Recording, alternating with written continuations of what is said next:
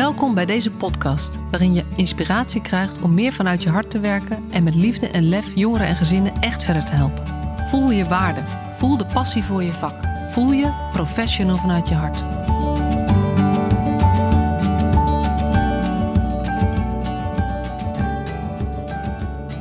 Leuk dat je weer luistert. Een nieuwe aflevering van de Professional vanuit je hart podcast. En vandaag mag ik in gesprek met Roy Verstegen. Hij is teamleider bij Jeugdbescherming Gelderland van het Team Rivierenland.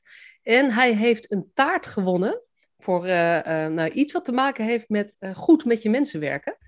via Jeugdhulp Alles in het Werk. Um, heb je me al eerder over gehoord? Dit is een podcastserie die ik maak voor hen.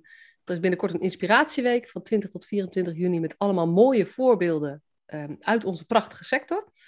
En ja, ik mag wel zeggen dat uh, Roy met zijn team een van de mooie voorbeelden is. Dus ik ben uh, benieuwd om daar alles over te horen. Welkom Roy. Ja, dankjewel voor de uitnodiging, uh, Marcia. En nou, ik denk goed om te vertellen inderdaad, van waar komt de uitnodiging, of de, de, taart vandaan? we hebben in onze regio gekeken wat heel moeilijk was om mensen te bereiken, om mensen binnen te krijgen. jeugdbescherming breed was het lastig om mensen te werven. En wij hebben gekeken van wat doen we nou eigenlijk daarin? En hoe willen we mensen op een goede manier eh, binnenkrijgen, maar daarna ook goed inwerken? En uh, daar is vooral naar gekeken uh, door ons met, het inwerken. Van wat, wat doen we nu eigenlijk in het inwerken en wat zouden we verbeterd willen hebben? En uh, wat vaak gebeurde in jeugdbeschermingsland is dat iemand komt binnen. we hebben heel veel zaken liggen en we denken zoveel mogelijk zaken naar iemand toe. En dan, dan leert hij het wel. Je leert door, door te doen. Uh, wij hebben gezegd, we, we, gaan het omdraaien. Je begint gewoon op nul. En je gaat rustig uh, starten, eerst het werk leren kennen. En rustig kijken, wat heb jij nodig om een goede hulpverlener te, te zijn en te blijven. En zo hebben we dat, een heel mooi programma daarvan gemaakt. En wat we ook merkten is dat het effect heeft op het welzijn van, van de medewerkers. Dat we merken dat ze enthousiaster worden, dat ze ook eigenlijk sneller hun caseload op een gegeven moment op een goede manier kunnen opbouwen. En uh, nou, dat, dat, is wel in de regio is dat uh, succesvol gebleken. Er zijn interviews geweest met mij uh, en met, met mensen zeg maar, die het hebben ervaren en ook mensen die inwerken. En daaruit kwam eigenlijk hetzelfde enthousiasme als wat ik daarvoor had. En daar hebben we een hele lekkere taart voor gekregen. Van, ja. van jeugdhulp alles in het werk. Ja, ja. Nou ja, mooi, dankjewel. Ik ben, er zitten een paar dingen in waar ik zo meteen even op terugkom. Maar uh, voordat we dat doen, willen we natuurlijk weten of jij ook een professional vanuit je hart bent. Ja, ik denk, ik denk zelf wel. Maar uh, ja, dan moeten vooral ook anderen kunnen daarover oordelen, denk ik. Maar ik ben wel iemand die, die vanuit mijn hart werkt. En die ook open staat voor, voor de ander. En ik wil mijn team ook leiden vanuit, vanuit wie ik ben. En niet vanuit mijn rol alleen maar, maar ik, ik ben wie ik ben. Ik ben ook iemand die, die mensen op een op een uh, mensenmanier uh, benadert. En ook uh, bereik. En dat, dat, dat hoor ik ook terug in van mijn team. Dus dat, dat vind ik wel prettig. En ik denk ook naar de cliënten toe, in, in gesprekken die er zijn. hoop ik dat ik, dat ik een, ook vanuit het hart werk. Ja. Want wat heb jij gedaan voordat je teamleider werd bij Jeugdbescherming? Nou, ik, ik ben begonnen in een, uh, is wel bijzonder, ik ben in een sportschool gaan werken, als, uh, vanuit mijn SEALS uh, achtergrond. En nou, ik was zelf een beetje een leerling die, die op school begonnen ben, HVO, heel langzaam ben afgezakt, omdat ik er niet zoveel zin in had. Uiteindelijk heb ik, heb ik mijn MAVO was er toen nog gehaald en toen ben ik SEALS gaan doen. Lekker sporten, lekker, lekker bewegen. En uh, vanuit daar ben ik uh, bij de sportschool en daarna bij uh, justitie beland. Bij de, de corridor heette dat. was voor jonge, jongvolwassenen. Veel sporten, veel, veel arbeid wat ze, wat ze deden. En um, daar heb ik vijf jaar gewerkt. Toen heb ik de stap ge, gemaakt naar eigenlijk jeugdzorg toe. Naar de Helderingsstichting in, in Zetten heb ik volgens mij drie of vier jaar gewerkt. En vervolgens heb ik de stap gemaakt naar Jeugdbescherming Gelderland. Toen nog bureau Jeugdzorg eh, Gelderland. En ben ik als jeugdregistreerder aan de slag uh, gegaan. En ik zit nu inmiddels 15 jaar, ruim 15 jaar bij uh, Jeugdbescherming Gelderland. Ik heb uh, van alles mee kunnen maken. En ook eerst ook als jeugdbeschermer nog wat zaken gedaan. En toen de stap mogen maken, drie jaar geleden als teamleider. Zo. Nou ja, dat is toch altijd leuk om iemands reis zo te horen. En hoe dat gegaan. Ook, en ik vind het ook wel weer mooi dat je zegt, ja ik was eigenlijk zelf ook zo'n jongen die heel vaak is dat toch ook nog steeds bron voor hoe je nu in je werk staat, is hoe je zelf als kind of als jongere bent geweest. Ja. Ik weet niet of dat bij jou ook zo is. Ja, de weg die je bewandelt, uh, die, die neem je mee in, in wie je bent. En uh, dus ik herken wel een hoop dingen uh, met jongeren die ik, waarmee ik heb gewerkt. Ook het, het, het, schoolsysteem, wat, wat wel lastig kan zijn voor als, als je er niet in past. Als je minder, minder makkelijk leert of wel goed leert, maar, maar je hebt er eigenlijk niet zo heel veel interesse in. Um, dus ik weet wat, wat het betekent. Dus daar heb ik in mijn werk als jeugdregisseur met schoolverzuimzaken toch wel uh, heel goed gebruik van uh, kunnen maken. En ik hoor ook terug van jongeren die ik begeleid heb, die me nu nog af en toe een berichtje sturen of even bellen van luister, ik heb het, toch, het is toch allemaal gelukt. Geef ze ook aan van dat dat wel prettig was. Dat ze ook hoorden van dat ik het zelf heb meegemaakt. En zelf daar ook wel een weg in heb gevonden. Want het, op zich is, ik weet dat dat iets is wat in, um, bij veel jongeren speelt. Hè? Natuurlijk bij uh, jeugdreclasseringszaken, maar ook bij leerplicht of RMC. Eh, of bij groepen waar de kinderen gewoon ja, hun bed niet meer uitkomen, gewoon niet meer naar school willen. Ja, met, je, met al jouw ervaring, zowel vanuit jezelf als hoe je ermee gewerkt hebt. Wat, wat deed je dan dat het werkte? Wat, wat zijn dan belangrijke uh, insteekdingen of zo? Nou vooral niet, niet, niet de bedweten gaan, gaan uithangen. Hè. Dat, dat allerlei uh, uh, verschillende zaken wat je geleerd hebt, dat je allemaal op, uh, op een jongere wil, wil neergooien. En als je zo doet, dan, dan, dan wordt het beter. Ik denk dat vooral het luisteren naar de jongeren en het, het horen hè, van wat ze, wat ze zeggen, dat, dat, daar, is de kern van, van het werk. En dat, dat geven ze ook aan. Dat ze het gevoel hebben gehad dat ze gehoord werden. En uh, dat het, dat het uh, uh, niet naar school toe gaan of in bed blijven liggen of alles wat, wat er speelde niet, niet, niet zo erg is. Wel heel erg vervelend, maar, maar niet zo dramatisch dat wat, wat iedereen wel zegt van hey, je hele toekomst gaat eraan, alles gaat, gaat mis. Nee, het is een start waar je nog steeds in zijn. Je bent een ontdekkingsreis aan het doen. En door contact te houden met de jongen en mee te gaan kijken van wat er, wat er kan, dan, dan gaan ze open. En uh, wat ik veel merk is dat het, eh, dat dingen worden opgelegd. Je, hebt leerplicht, hè, je moet naar school toe. Je gaat in het systeem mee, ook al is het systeem niet voor jou weggelegd. Dan nog moet je mee in dat systeem. En als ik dat ook nog eens een keer ga uitleggen, alleen maar van hey, je moet je moet, je moet. Ja, dan gaan ze hetzelfde doen. Gaan ze afstand van me nemen, gaan ze, gaan ze weg, gaan ze niet op afspraken komen. Heb ik ook meegemaakt in, in die tijd dat ik als jeugdregisseur gewerkt heb. Maar gedurende de jaren ga je leren dat dat geen enkele zin heeft. En uh, ja, dat, dat heb ik wel gemerkt dat de jongeren gewoon nodig hebben. Echt contact. Ja. ja, en dat is ook wel een van de dingen die natuurlijk heel veel jeugdbeschermers, maar ook mensen in wijkteams um, uh, zeggen dat naarmate, weet je, personeelsproblemen zijn maar sowieso is de werkdruk hoog. Hadden we maar die tijd of zo? Hoe kijk je daar dan tegenaan? Ja, ik, ik zeg, we moeten die tijd nemen. Dus daar, uh, daarin moet je gewoon ook uh, wat, je, wat je doet, moet je goed doen. En dat, dat heb ik ook, was een van de redenen dat ik zeg, we moeten mensen op een goede manier inwerken. Dat je ook leert dat, dat mensen de tijd mogen en, en moeten nemen. En soms is het wel eens zo dat je, dat je te veel zaken hebt voor je gevoel, dat er van alles gebeurt waardoor het niet kan. Maar dan nog, blijf, blijf vooral bij jezelf en blijf dat contact houden. En blijf eerlijk ook vertellen naar de ander toe uh, waar het in zit. Dus als je even geen contact met een ouder kunt hebben, omdat je het gewoon nou eenmaal even iets drukker hebt, vertel gewoon naar die ouder dat je, dat je het gewoon druk hebt door omstandigheden, maar als het nodig is, dat je er altijd zult zijn voor ze. Volgens mij die baas om dat te mogen zeggen en te kunnen zeggen. En ook gewoon uh, te laten zien uh, wat echt speelt, zonder daar omheen te moeten draaien. Ik denk dat daar de kracht zit ehm, in dit soort dingen als je druk hebt.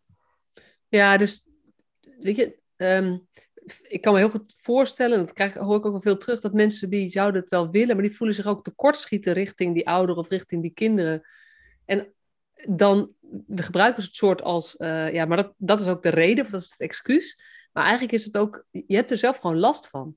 Ja. En wat jij zegt is ook eigenlijk, ja, dus we kunnen wel blijven zeggen, ja, het, het kan nu eenmaal niet en ik zou wel willen, maar daar heeft eigenlijk die cliënt niks aan. Nee. Die heeft er pas wat aan als jij met dat onrustgevoel wat je zelf ook voelt, dat gevoel van tekortschieten, ga er maar vanuit dat die ander dan ook waarschijnlijk voelt dat je inderdaad te weinig contact hebt. En als je met dat gegeven wat doet, dan ben je relatie aan het opbouwen. Ja, en durf uit te spreken dat je er last van hebt. Wees, wees, wees jezelf. En als je het moeilijk vindt, dan kun je ook zeggen: Ik vind het hartstikke moeilijk om dit te kunnen zeggen, omdat ik het gevoel heb dat ik tekortschiet in, in jouw begeleiding of in, in de hulp die, die je hebt. Maar ik wil er graag met je, met je over, over praten ook. die openheid en de, de echtheid daar kun je wat mee bereiken. En dan deel je het ook met anderen. Ah, dit is wel een aardige persoonlijke insteek voor, um, ook juist vanuit de jeugdbescherming, die toch wat meer bekend staat als uh, positioneren, uh, meer snelheid, hoge caseload en zo. Dit, is wat je, wat je hier zegt, is um, ik vind dat wel opvallend. Ja, maar, maar ook, ook uh, het persoonlijke doet niets af van onze rol. Van onze rol als jeugdbeschermer zijn we, we zijn toezichthouder. We kijken dus naar hetgeen van wat moet gebeuren, wat wij denken ook dat goed is, maar ook wat we met de ouders eh, vinden wat, wat goed is. Um, en daarin kun je gewoon ook aangeven van, van um, wat, nodig, uh, wat jij denkt dat nodig is. En uh, contact maken is niet altijd alleen maar van aardig en liefgevonden worden en je uitspreken, maar contact maken is ook duidelijkheid geven en duidelijkheid geven: dit is mijn rol, dit ga ik voor jou doen. En dit ga ik niet doen. En dan is het voor de, voor, voor de ander ook, uh, ook gewoon helder. En dan kun je goed afbakenen zonder het persoonlijk contact kwijt te raken met, ja. uh, met de ander. Ja, precies. Want ik herken dat wel. Dat, dat vanuit je hart kan heel soft overkomen. Dat zeggen mensen natuurlijk ook wel eens tegen mij. Maar dan horen ze me praten en ze zeggen: ja, jij bent helemaal niet soft. Want eigenlijk, het is gewoon meer vanuit je eerlijkheid um, alles zeggen. Dus ja. en wat meer liefdevolle dingen, maar ook wat meer lastige dingen soms. En, uh... ja, en ook als je het echt grondig oneens bent met iemand, mag je dat ook gewoon uitspreken. Ik ben ja. het grondig met je oneens. Ja. En uh, dat, dat uh, kan alleen maar helpen. Ja, Uiteindelijk ja dan krijg je wel de onderlaag boven tafel. Ja. En, en daar gaat het denk ik om dat, dat als je dit allemaal niet uitspreekt, maar wel vindt en voelt en zelf ook je onmachtig voelt soms om wat mee te doen, ook vanwege tijdsdruk, dan gaat de onderlaag gaat eigenlijk de inhoud bepalen. En dat wil je eigenlijk helemaal niet. Nee. Dus de kunst is om dat erbij te gaan halen, zodat je meer open gesprek krijgt over de moeilijke dingen die aan de hand is. En soms is het moeilijke dat uh, jij als jeugdbeschermer A wil en het gezin wil dat pertinent niet. Maar uiteindelijk heb je het meeste resultaat als het lukt om daar met elkaar over in gesprek te gaan. Als ja. jij doorduwt, ben je ze sowieso kwijt. Ja, terecht. Ik denk dat het ook uh, vaak gebeurt, inderdaad. Maar daar, daarom is het des te belangrijker, denk ik, om, uh, om de medewerkers te leren. De, de nieuwe medewerkers te leren om, uh, om jezelf te kunnen zijn. En jezelf te mogen zijn zonder dat je, dat je een rol gaat spelen. Want, want uh, ouders merken dat. En uh, dat is ook terecht, want je bent niet, je bent niet echt. En, en dat is iets wat ik in mijn teams ook terug wil krijgen. Ook naar elkaar toe. Van, nou, ik werk veel met de piramide van Lencioni daarin. En de onderste laag is je onkwetsbaarheid loslaten. Durf kwetsbaar te zijn. Dus je, mag, je mag fouten maken, je mag je dingen zeggen. Je mag tegen elkaar gewoon uitspreken wat je vindt. Um, uh, zonder dat daar uh, iets, iets in gebeurt in, in het persoonlijk contact. En dat is dan de tweede laag, is dan het uh, constructieve conflicten aangaan.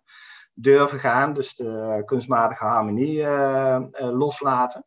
En daarin, je mag gewoon echt oneens met elkaar zijn. En je mag ook iets vinden van een ander, als je het maar eerlijk uitspreekt.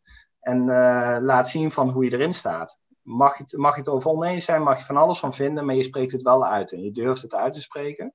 En dat begint, vind ik, in jouw team. Dus in, jou, in jouw regio, in de, in de plek waar je zit. Als je dat als uh, team voor elkaar krijgt, komt de tweede stap ook naar de ouders waarmee je werkt, naar de jongen waarmee je werkt, ga je dat ook doen. En ja. um, dat is een beetje het plan wat wij ook in dat inwerken. Als iemand goed wilt ingewerkt, en dit ook meekrijgt van je mag jezelf zijn, je moet jezelf zijn en je mag kwetsbaar zijn uh, in dit werk, dan ga je de eerste stap is dan, uh, is dan goed. Waardoor je de eerste stap kunt zetten in het hele heftige werk wat we hebben.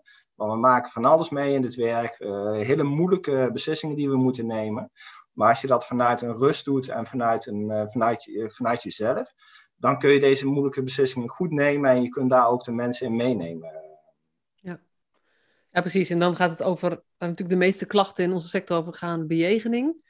Ja. Weet je, dat zal nooit 100% goed gaan, maar dan gaat het wel vaker goed. Dat ja. ouders, ondanks dat ze het nou ja, verschrikkelijk oneens zijn en zo'n echte beslissing uh, niet kunnen uh, nou ja, waarderen, respecteren, accepteren, dat ze wel kunnen merken of kunnen zeggen van oké, okay, maar ja, weet je, hij heeft het wel goed gedaan of zo. Het besluit ben ik het niet mee eens, maar het proces, nou ja, ik voelde me wel serieus genomen, ook al komt er een ander verhaal uit. En soms lukt dat niet, daar moeten we ook reëel in zijn. Nee.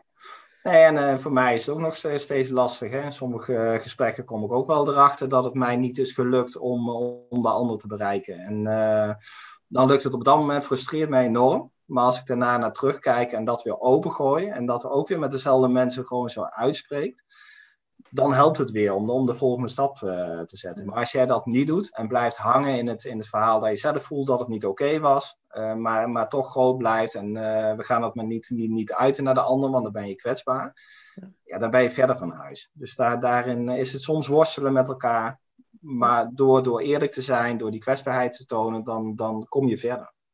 Ja, en dit is natuurlijk uiteindelijk haal je ook de regie weer naar jezelf toe, want jij jij uh, bent degene die ook weer die, die toenadering gaat doen, die stap gaat zetten en zegt van hé, hey, maar dat wij niet oké okay zijn met elkaar, vind ik niet oké, okay, want we moeten samen verder. En ja. dan neem je ook je professionele verantwoordelijkheid, vind ik.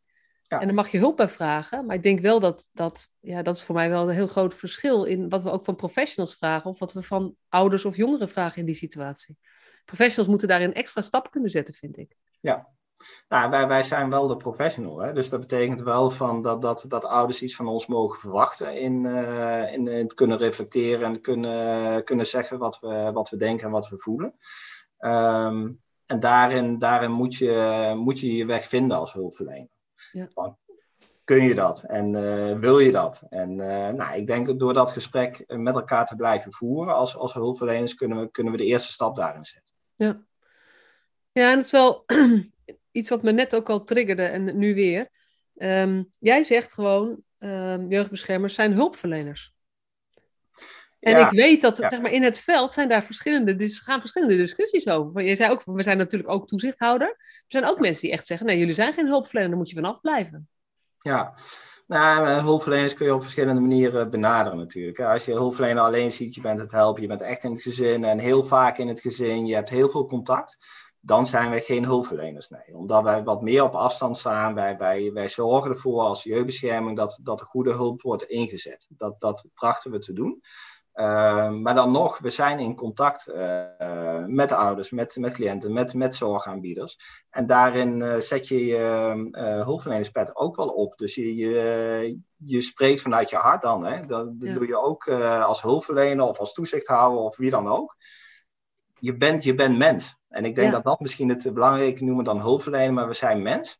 En mens met een bepaalde kennis. Dus we hebben kennis uh, vanuit onze opleiding meegekregen wat, wat we inzetten. En uh, dan kunnen we wel geen hulpverlener genoemd worden of toezichthouder. Maar als je als mens uh, handelt, dan handel je vanuit je rol. En dat is, dat is wel mooi. En onze rol is om daar toezicht op te houden dat, dat de dingen goed gaan. En dan ja, precies. Ja. Ik volg je natuurlijk helemaal, want het is ook hoe ik het zie. Maar ik weet ook, ik heb wel gewoon ook voor, voor een groep jeugdbeschermers gestaan, waar er echt een deel is die zegt: nee, uh, jij zegt hulpverlener, maar uh, wij zijn geen hulpverleners. Jij ja. vergis je. Ja, dus ja technisch gezien, hè, van, ja, je kunt op verschillende manieren bekijken, zeg ik dan maar. En uh, we doen allemaal hetzelfde werk hè, in, in de jeugdbeschermingsketen. Iedereen kijkt er dan weer anders naar. Ik denk dat onze opdracht heel helder is dat we toezicht moeten houden. Dat we ook, uh, nou, we hebben het net al gehad over de tijd die je hebt als hulpverlener. Uh, of als, als jeugdbeschermer. en daar kun, daar kun je dus, nou, een mooie verspreking hè, als hulpverlener. Maar je kunt niet, niet uh, continu in een gezin zijn. Je kunt niet de, alle hulp bieden die, die je graag zou willen. En dat, dat hoort ook niet bij onze rol. en daarom is het mooi vanuit onze rol wel als, ehm, als mensen blijven, blijven handelen. En wel te blijven kijken, wat moeten we wel doen. Ja, want ik, ik vind het wel mooi wat jij legt uit van oké, een hulpverlener zijn we dan niet als, als je zegt van dat, dat je dan veel in het gezin komt. Maar ik vind de andere kant ook, je kan eigenlijk ook niet goed toezicht houden als je niet een of andere relatie hebt met degene over wiens leven het gaat. Ja.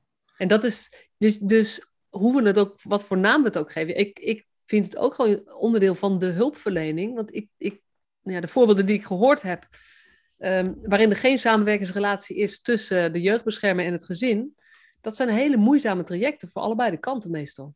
Ja. Dus dat hoort in ieder geval ook als toezichthouder. Dan moet je maar als toezichthouder een relatie aangaan. Nou ja, en dan los je het erop. Dus zeg jij, je bent altijd mens. Welke rol je ook hebt, of hoe je het ook noemt, vind ik ook wel ja. hele mooie. Nou, en je helpt, je helpt de ander. Je doet het om de ander te helpen. En vooral om het kind te helpen. En uh, als je het kind helpt, help je de ouders uiteindelijk ook. Hulpverlener, hè? je verleent hulp. Dus als je de ander helpt, dan, dan ja, het, het, is in de naam, zeg ik altijd maar. maar ja, het is in de naam, maar het is wel, we hadden het al in ons voorgesprek even over de verharding van het gesprek op bijvoorbeeld op LinkedIn. Daarbij is dit natuurlijk ook een, uh, een hot item. Um, met ook een, een deel van de ouders die vinden dat uh, jeugdbeschermers zich vooral geen hulpverlener moeten noemen. Want ze hebben die rol helemaal niet, zeg maar. Um, en in die verharding gaat het dus uiteindelijk wel over dit soort begrippen. Dat is best wel eens lastig, vind ik. Ja, en daar is in de kunst inderdaad van, van hoe kun je die verharding eruit halen en uh, niet over het woordje hulpverlener vallen, maar wel over hetgeen van wat je doet. En uh, dus ik denk dat daar vooral de kern dan in zit. Als ik kan uitleggen, ik noem het misschien hulpverlener. Hè, maar als je blijft uitleggen wat, je, wat jouw rol is en wat onze rol als jeugdbeschermer ook wettelijk gezien is, dan hebben ze gelijk. Hè? Dan verlenen we niet die directe hulp in, uh, in, het, in het gezin. Want daar hebben we de zorgaanbieders voor, die we juist, juist inzetten om dat op een goede manier te, te doen. Um, maar als je kijkt naar het contact wat we willen hebben, ze, uh, ook de DICE geven aan, er moet wel geluisterd worden naar ja. de ander. Nou, als ik niet luister en alleen toezicht aan doe van wat er gezegd wordt, ja, dan ben je ook weer niet, niet oké, omdat je niet luistert naar de ander en kijkt wat, wat nodig is. Dus je, je helpt de ander niet, zo wordt het ook gezegd dan. En ik denk dat we daarin, uh, ik zou graag willen, en dat, dat, dat puzzelt mij wel, hoe krijg ik die verharding eruit? Wat kan mijn rol zijn in, in mijn functie uh, die ik heb, uh, om daar een kleine stap in te zetten? Nou, ik hoop door, door, uh, door met het team, met onze regio aan de slag te gaan hiermee, daarover in gesprek te zijn, mensen goed op te leiden, uh, ook zelf kwetsbaar durven zijn uh, daarin, dat we die stap kunnen maken om daar ook wat makkelijker mee om te kunnen gaan. Ook ja. met, met mensen die ook terecht, onterecht ook iets vinden van ons. Ja. Want er wordt heel veel ge, gevonden van de jeugdbescherming. En nou, ik kan uh, af en toe ook wel eens uh, naar een programma kijken en heel eenzijdig luisteren en denken van hé, hey, er wordt ons van alles aangedaan als ik, uh, dat is niet goed onderzocht en er wordt, we doen ook heel veel goed. Maar dat helpt mij niet als persoon om daar op die manier naar te luisteren. Als ik daarnaar luister, wat kan ik eruit halen om de ander te helpen? Ehm, dan hoor ik ook andere dingen. En dan kan ik ook makkelijker weer in de huid kruipen van degene die, die daar iets van vindt. Want dan kan ik zeggen, ja, dat klopt ook. Je hebt ook gelijk in sommige, sommige punten. Niet in alles, hm. maar in sommige dingen wel. En daar moeten we het, uh, kunnen we het gesprek met elkaar over voeren.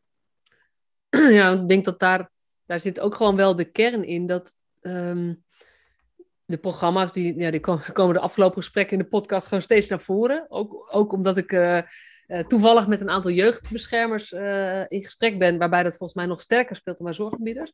Maar de, um, het gaat over de sector en wat de jeugdzorg doet, maar het zegt nog niet per se iets over een individuele jeugdbeschermer. En tegelijkertijd, je bent ook onderdeel van het geheel, dus het gaat ook wel over jou of zo.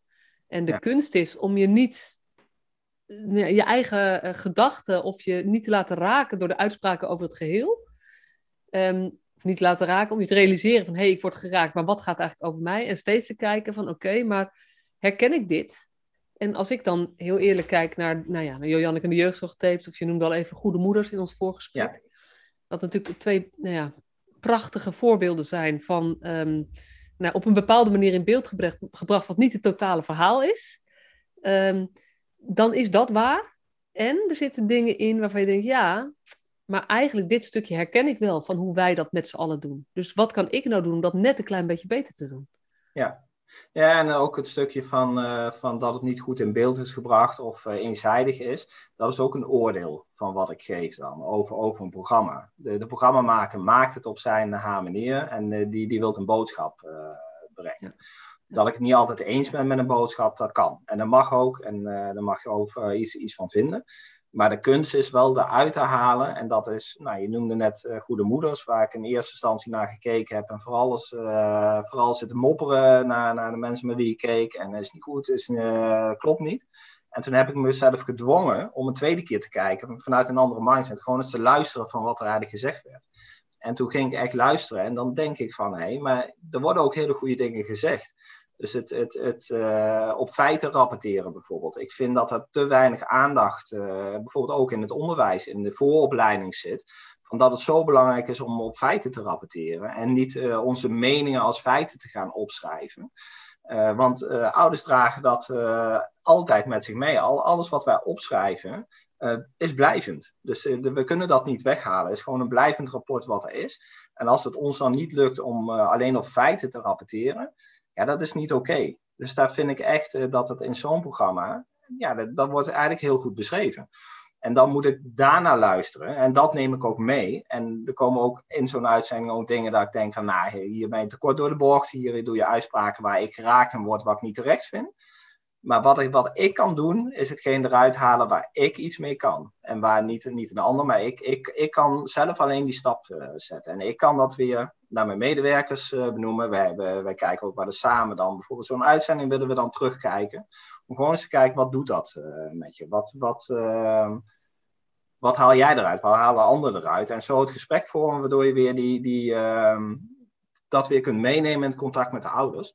En dat helpt mij uh, persoonlijk om, om daar op een andere manier naar te kijken. En Joanneke in de je jeugdzorg bijvoorbeeld, in de jeugdzorgtapes, dat doet mij uh, oprecht wel pijn als ik de jongeren hoor en uh, de jongeren zie. En dat een jongen ook spreekt erover dat hij 21 keer naar een andere instelling is gemoeten.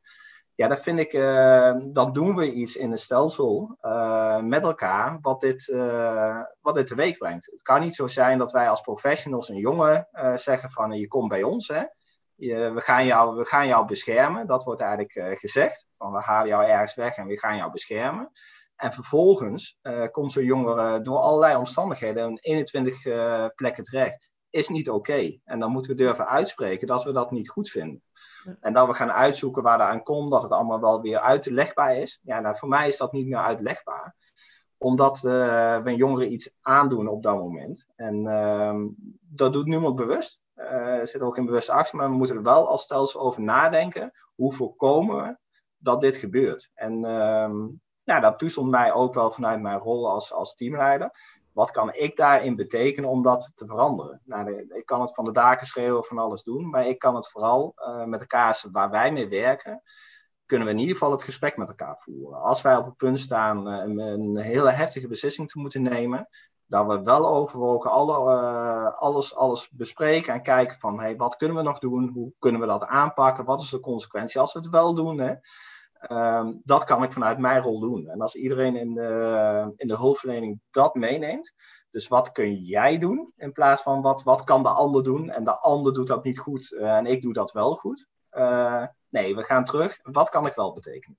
Ja. en als je het gevoel hebt dat je even niks kunt betekenen, kan dat ook zijn. Maar er komt een moment dat je wel een stap kunt zetten. En ja, dat, dat, hoop ik wel dat, dat ik dat vanuit mijn rol ook een beetje teweeg breng in mijn team. Dat we in ieder geval hierover hebben met elkaar. Nou ja, dat, ik denk dat het zeker helpt om. Uh, je, de, de druk, de, de waan van de dag is gewoon druk. Dus er gebeurt veel, het is hectisch. En um, zeker als je gewoon in die uitvoering zit, zoals de jeugdbeschermers, zeg maar. Die worden, ik weet ook dat die van hot naar her soms gebeld worden, want dan zijn ze nog hier de ene crisis aan het oplossen. En dan komt er een telefoontje dat er een andere is, en dan moeten ze meteen schakelen. Dus uh, als je niet iemand hebt, of, of een team hebt, of collega's hebt die jou helpen om eigenlijk steeds even te blijven kijken van hé, hey, oké, maar hoe zien we dit ook weer in, in, in al zijn facetten? Dan kom je in die red race van het maar doorgaan. Omdat, nou ja, als dat doet het werk gewoon met je, denk ik. Dus ik denk dat, dat doordat jij dit gewoon op de agenda zet, dat het sowieso helpt.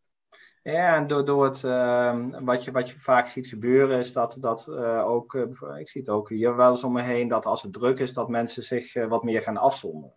Dus dat ze in een eigen ruimte gaan zitten of dat ze nou, tegenwoordig wat meer thuis gaan werken bijvoorbeeld.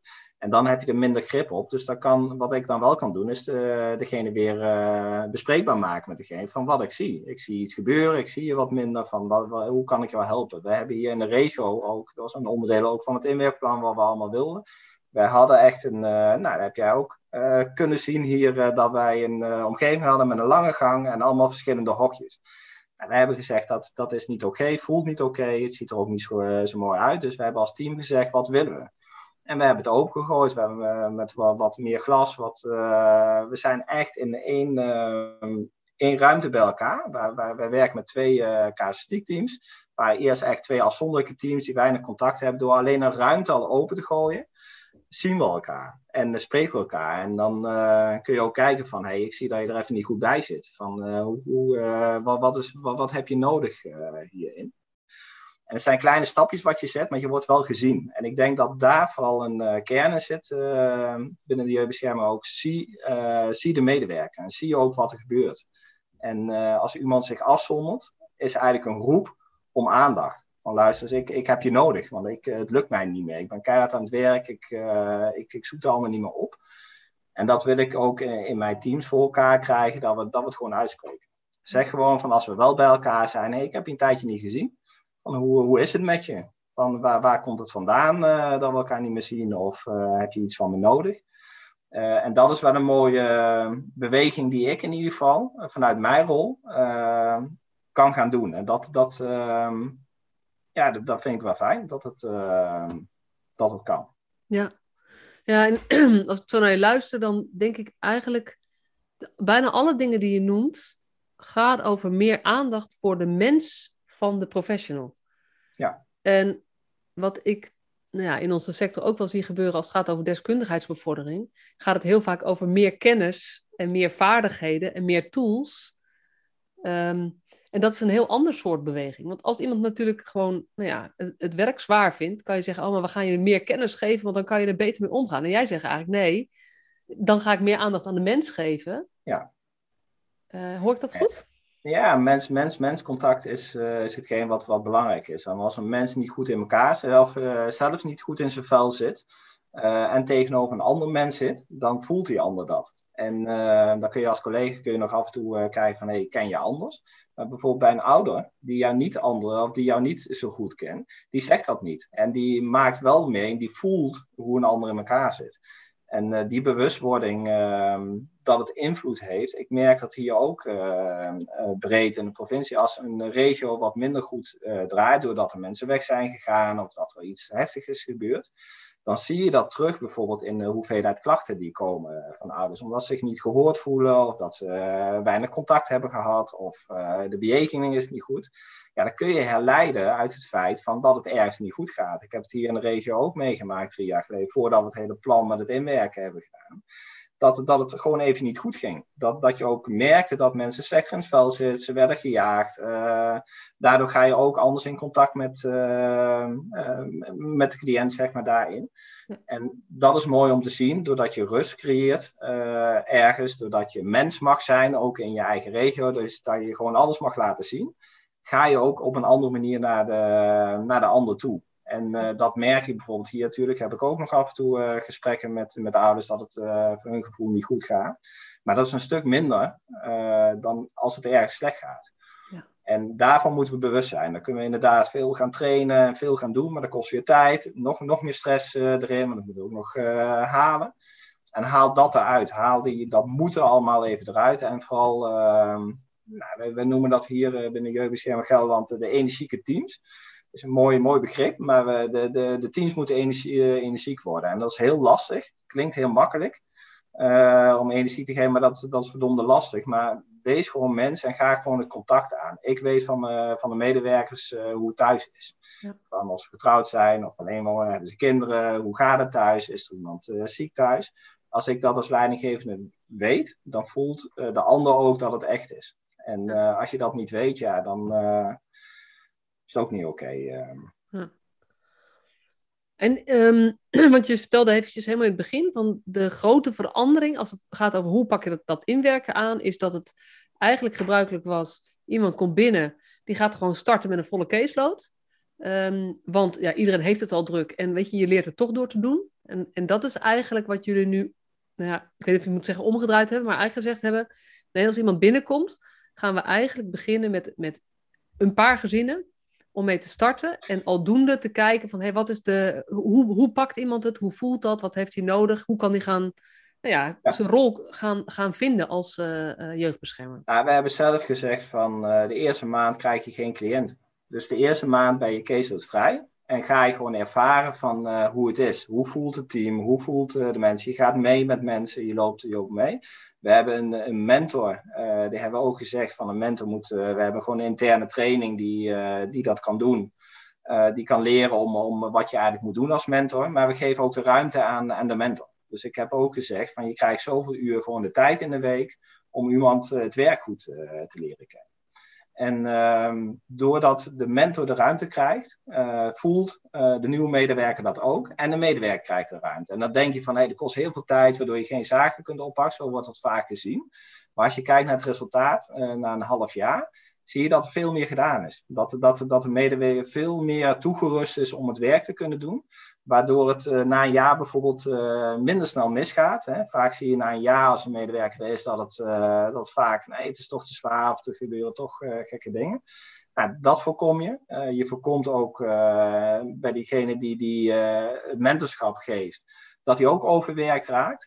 wat ik zelfs in de praktijk zie, is dat vaak nog de mentoren nog wel gewoon blijven doen van wat ze doen, maar het gevoel hebben dat het, dat het ook mag, dat het kan. Ik heb hier ook gesprekken met de mentor gehad, dat mentor even naar mij toe komt, Roy, ik, ik voel het nu, ik kan niet doen uh, wat nodig is voor, voor de nieuwe medewerker. Nou, dan gaan we dat gesprek aan als, als team zijn, van hoe kunnen we dat gaan oplossen. En dan merk ik ook dat een andere uh, collega dan zegt van, hé, hey, luister, ik neem even wat van je over, dat jij wel kunt doen wat wij belangrijk vinden. En het mooie is daarvan, en dat is ook een beetje de reden waarom we die prijsing hebben gekregen, dat we dat als team gedaan hebben. Ik heb niet gezegd van hoe we moeten gaan inwerken. Ik heb alleen aangegeven van hey, dit hebben we met elkaar, maar wat hebben we nodig als team zijn? Ja. En uh, ik denk na twee weken, drie weken hadden we gewoon als team zijn, hebben we een heel mooi plan met elkaar gemaakt. En dat hebben we uitgevoerd. En uh, dat, is, dat, is, dat, is, uh, dat is mooi, omdat het gedragen wordt door het hele team en iedereen doet het. En ik merk nu zelfs uh, ook in de hele organisatie Jeugdbescherm dat we dat meegenomen hebben in het plan wat er nu ligt voor, voor heel Gelderland. Dat we daar aan de slag mee willen. Ja, en dat vind ik ook zo mooi weer. Dat, is, dat, is, dat valt me steeds weer op. Um, want er is natuurlijk veel aan de hand in onze sector. Er zijn allerlei nou ja, overleggen en plannen en nou ja, uh, tafels om te bedenken hoe het beter moet. Maar waar de verbetering ontstaat, is waar een mafcase bedenkt volgens mij moeten we dit anders aanpakken, laten we het eens anders gaan doen. Ja. En dat is eigenlijk het voorbeeld wat jij, uh, weet je, noem ik je even Mafcase, welkom bij de Mafcase Club, zeg maar. Maar je hebt gewoon iemand nodig die zegt, uh, nou ja, zoals we tot, tot nu toe doen, ik, dit werkt niet. Want heel veel mensen branden eigenlijk te snel weer af. Ons verloop ligt te hoog. Het is slecht voor de gezinnen, het is slecht voor de mensen die blijven. Het is slecht voor onze kwaliteit. En we blijven achter de feiten aanrennen. Gaan we dit nog blijven doen? Nou, lijkt me niet slim. We gaan iets anders proberen. Geen idee of het werkt. Maar laten we gewoon maar gaan proberen. Ja. En dat is wel, zo werkt verandering. In ieder geval, zo is het veel effectiever volgens mij. Want nu is het eigenlijk, ben je met een soort van positief resultaat. Zijn andere teams geïnteresseerd van hey, hoe hebben jullie dat gedaan en kan dat echt? En uh, zo ja. kan me niet voorstellen dat die vraag ook wel komt. Ja, maar dat kan toch niet? Want dan je moet je de rest van de caseload verdelen. En je hebt nu een verhaal van medewerkers zelf die zeggen, nou ja, het kan wel. En eigenlijk voelt het rustiger. Ook al heb ik het misschien sec gezien wel uh, een, een, hogere caseload een tijdje. Maar omdat ik weet dat het voor de big cause is, um, uh, voelt het rustiger en kan ik het meer overzien. En ben ik ook rustiger. Ja, en het team, het team staat erachter. En ik denk dat daar ook een kern zit als je als regio, uh, als team zijnde beslist. Dat je ook zegt, we gaan hiervoor, hè, we gaan er volledig voor. Dan, dan wordt het ook gedragen dan wordt het ook makkelijker gezegd van dan neem ik even iets van je over, omdat ik het weet waar, waar, uh, voor we doen. Vaak wordt er uh, een beetje top-down gezegd van we gaan het zo doen. Dit is ons nieuwe inwerkprogramma, hè. we hebben het bedacht. Hè, kwaliteit en beleid of uh, dingen, we gaan het doen. En dan zie je dat er allerlei ehm, beren op de weg komen. Of ja, ja, je kunt wel wat zeggen, maar we doen het niet. Door het als team te beslissen van we gaan het zo doen, wordt het ook uitgevoerd en spreken we elkaar ook erop aan als, het, uh, als we niet kunnen leveren wat we, wat we gevoel hebben dat we moeten leveren. Um, en ik denk dat daar wel een kern in zit van het werk. Doe het met elkaar. Doe het ook ja. gewoon. Je kunt niet alles, uh, hoeft geen consensus met elkaar. Of uh, je hoeft geen, in ieder geval beslissen dat iedereen het mee eens is. Maar je moet wel consensus hebben. We gaan het doen. Dus ja. we gaan het proberen. Ik ben het er niet helemaal mee eens, maar we gaan het wel doen. We hebben de afspraak gemaakt met elkaar om het te gaan doen. Uh, en daarin zie je kracht van een uh, team terugkomen. En dat is, dat is mooi dat je, dat je dat, en dat zie ik hier in de regio, dat we dat in ieder geval met elkaar doen. We ja. bespreken iets met elkaar af, we, we overleggen het, we gooien de voor's en tegens allemaal al op tafel. We spreken erover met elkaar en als we iets beslissen met elkaar, dan is dit ons plan. Staan we er met z'n allen achter? Ja, we gaan, we gaan het doen. En dan heeft het resultaat. En dat is een beetje wat, wat vaak nog gebeurt, wat ik nu ook weer zie gebeuren. Uh, jeugdzorg staat in brand, wordt dan genoemd. En dan wordt, uh, wordt aan de overheid weer gevraagd om iets te gaan bedenken. De overheid voelt zich weer geroepen. We gaan, we gaan het nu helemaal anders doen. En vervolgens de mensen die het moeten uitvoeren, ja, die, die worden daar niet in meegenomen. En ik denk dat daarin de kracht uh, zit van, van ehm, neem elkaar er in ieder geval mee en neem elkaar serieus ja. daarin. En ga het niet binnen een week oplossen. Maar neem de tijd ervoor om het, uh, om het op te gaan lossen. En niet, niet in één keer uh, Nee, precies. Ook gewoon, ik, ik denk dat we veel meer op zoek moeten naar kleine veranderingen die we gaan doen. In plaats van dat we wachten tot een groot soort masterplan. Ja. dat wordt dan geïmplementeerd, maar dat blijkt niet te werken. Want ik weet, ja, ik, ja, ik wil net zo negatief zijn. Doe ik altijd, nee, dat ben ik ook niet. Maar ik weet wel dat het nieuwe uitvoeringsplan, zoals de overheid het bedacht heeft, gaat ook weer nieuwe uitvoeringsvragen geven. Ja. Dus daar gaat het probleem niet opgelost worden. Dus als je dingen wil oplossen, moet je gewoon zelf uh, met elkaar kijken van oké, binnen ons kader, binnen onze situatie, hoe denken wij dat we het net een klein beetje beter kunnen maken? En laten we dat gewoon gaan doen. Ja, en elkaar ook de vraag inderdaad durven stellen. Van, van hoe je Ik had vorige keer op LinkedIn een post gedaan. En uh, bedoel ik niet dat bijvoorbeeld de gesloten jeugdzorg helemaal moet stoppen. Maar ik heb de vraag gesteld: wat zou er gebeuren als morgen de gesloten jeugdzorg zou stoppen?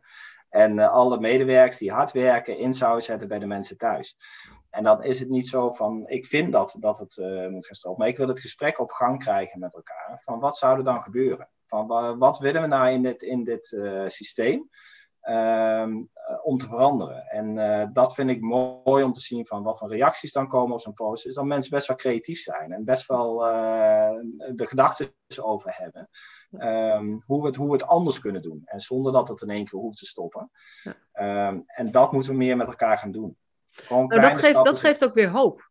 Ja, want dat is, ik, ik doe dat tegenwoordig ook wel vaker. Dan, nou ja, zo'n zo uh, documentaire van Jan Janneke en de jeugdzorgtapes. Dan zie je zo'n 21 verhuizingen. Weet je, en we weten ook, het is niet eens een echte uitzondering. Weet je, het geldt niet alle jongeren, maar het is echt niet een uitzondering. Want er zijn veel te veel uh, voorbeelden van.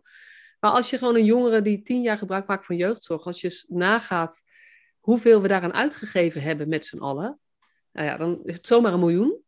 Ja. Uh, als je alles bij elkaar optelt. En als je dan de vraag stelt, is dit nu het beste wat we hadden kunnen doen voor dit miljoen? Ja, dan krijg je echt wel, ja, dan ga je er een ander soort creativiteit open of zo. En dan hebben we het niet opgelost, maar we moeten anders gaan denken. Want als we hetzelfde blijven denken, dan gaan we er niet komen. Ja, en openstaan voor, uh, uh, voor andere gedachten en voor uh, systeemveranderen. Nou, ik noem een voorbeeld, uh, bijvoorbeeld met de contra-indicaties die wij hebben in de, in de jeugdzorg. Nou, twee belangrijkste contra-indicaties zijn drugsgebruik en agressie. Dus op het moment dat een jongere drugsgebruiker agressief is, dan wordt hij niet aangenomen bij, bij een zorggebied. Of de, bij een groep of zo bijvoorbeeld. Bij een groep, ja. of, uh, want dan, dan zou er wel eens gevaar. Maar als je kijkt waar het vandaan komt, een jongere maakt zoveel mee dat hij een toevlucht zoekt in, in dit soort dingen. Dat is gewoon een uh, afweermechanisme wat zo'n jongere heeft.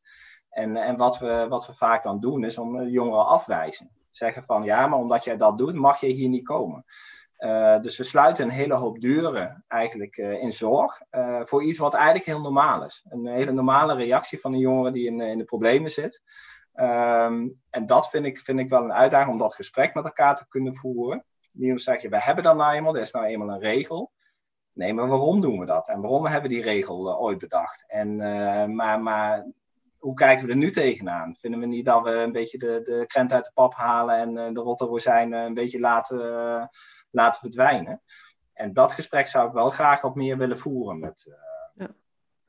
Ja. Nou, jij vertelde dat je uh, een paar afleveringen van de podcast geluisterd en er nog wat meer wil gaan luisteren.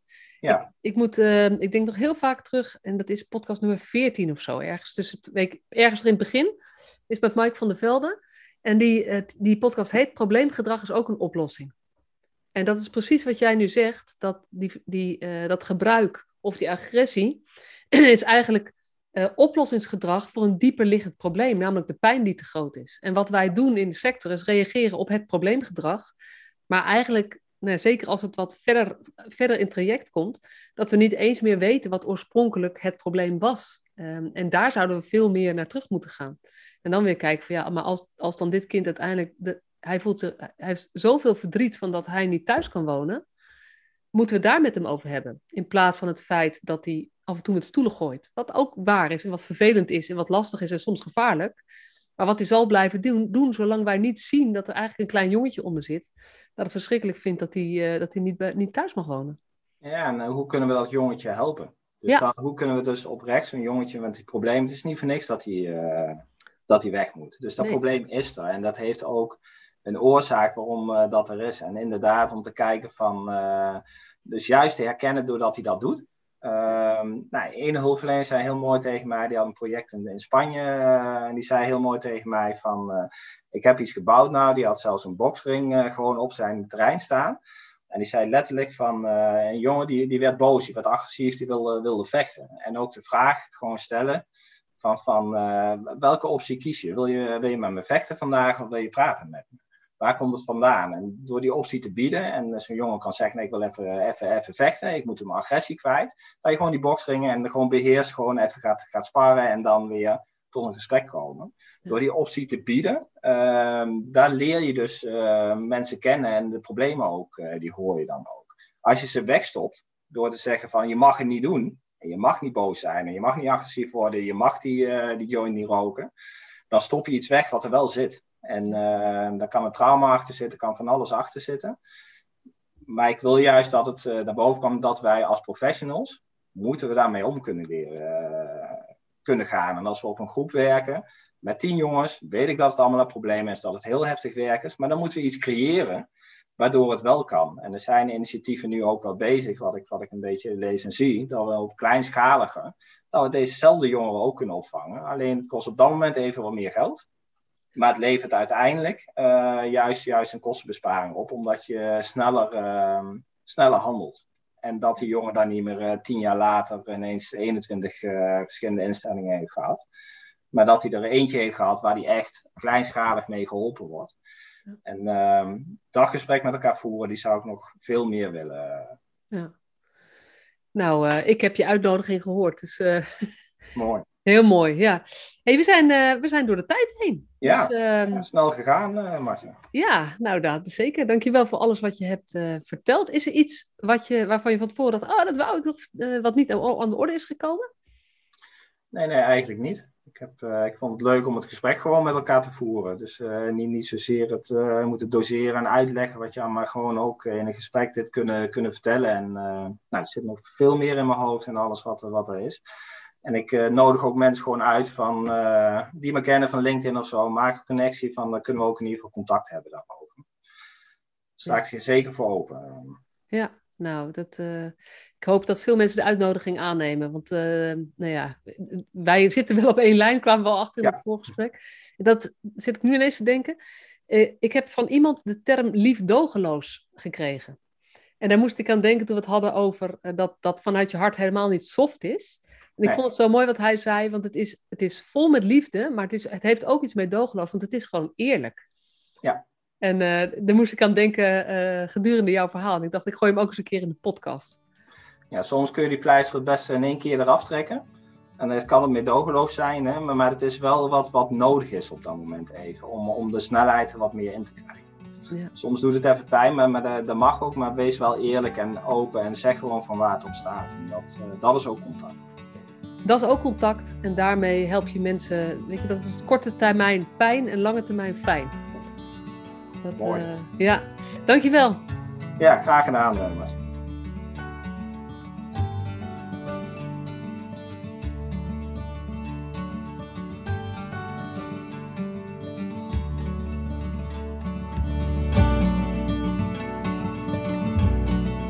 Superleuk dat je weer luisterde naar deze podcast. Dankjewel. Nog even kort een paar belangrijke dingen. Ten eerste, het is mijn missie dat de jeugdhulp weer een sector wordt waarin bevlogen, liefdevolle professionals jongeren en gezinnen echt verder helpen. Daarom maak ik deze podcast voor jou. Wil jij deel uitmaken van deze beweging van Professional vanuit je hart, waarin professionals elkaar steeds opnieuw inspireren? Begin dan met het lezen van mijn boek. Je kunt de eerste hoofdstukken helemaal gratis lezen. Ga naar professionalvanuitjehart.nl/slash boek. Ten tweede, wil je alle podcastafleveringen overzichtelijk onder elkaar? Abonneer je dan op deze podcast. Klik in je podcast-app op de button subscribe of abonneren. En elke keer als er een nieuwe podcastaflevering gepubliceerd wordt, ontvang je automatisch een berichtje. Ten derde, ondersteun je mijn missie? Geef me dan een review via je podcast-app, bijvoorbeeld iTunes of Spotify. Op die manier kan ik nog meer professionals bereiken. En ken je een collega voor wie deze podcast ook interessant is? Dan zou het super zijn als je hem of haar de podcastaflevering doorstuurt. Bijvoorbeeld door de link te kopiëren via Spotify. Ik vind het altijd heel leuk om berichtjes te ontvangen van luisteraars. Om te horen wat je van een podcast vindt. Of als je misschien vragen of suggesties hebt. Of als een aflevering je een bepaald inzicht heeft gegeven of er iets in beweging is gekomen. Stuur me dan even een berichtje op masha.professionalvanuitjehart.nl via de website of stuur me een connectieverzoek op LinkedIn.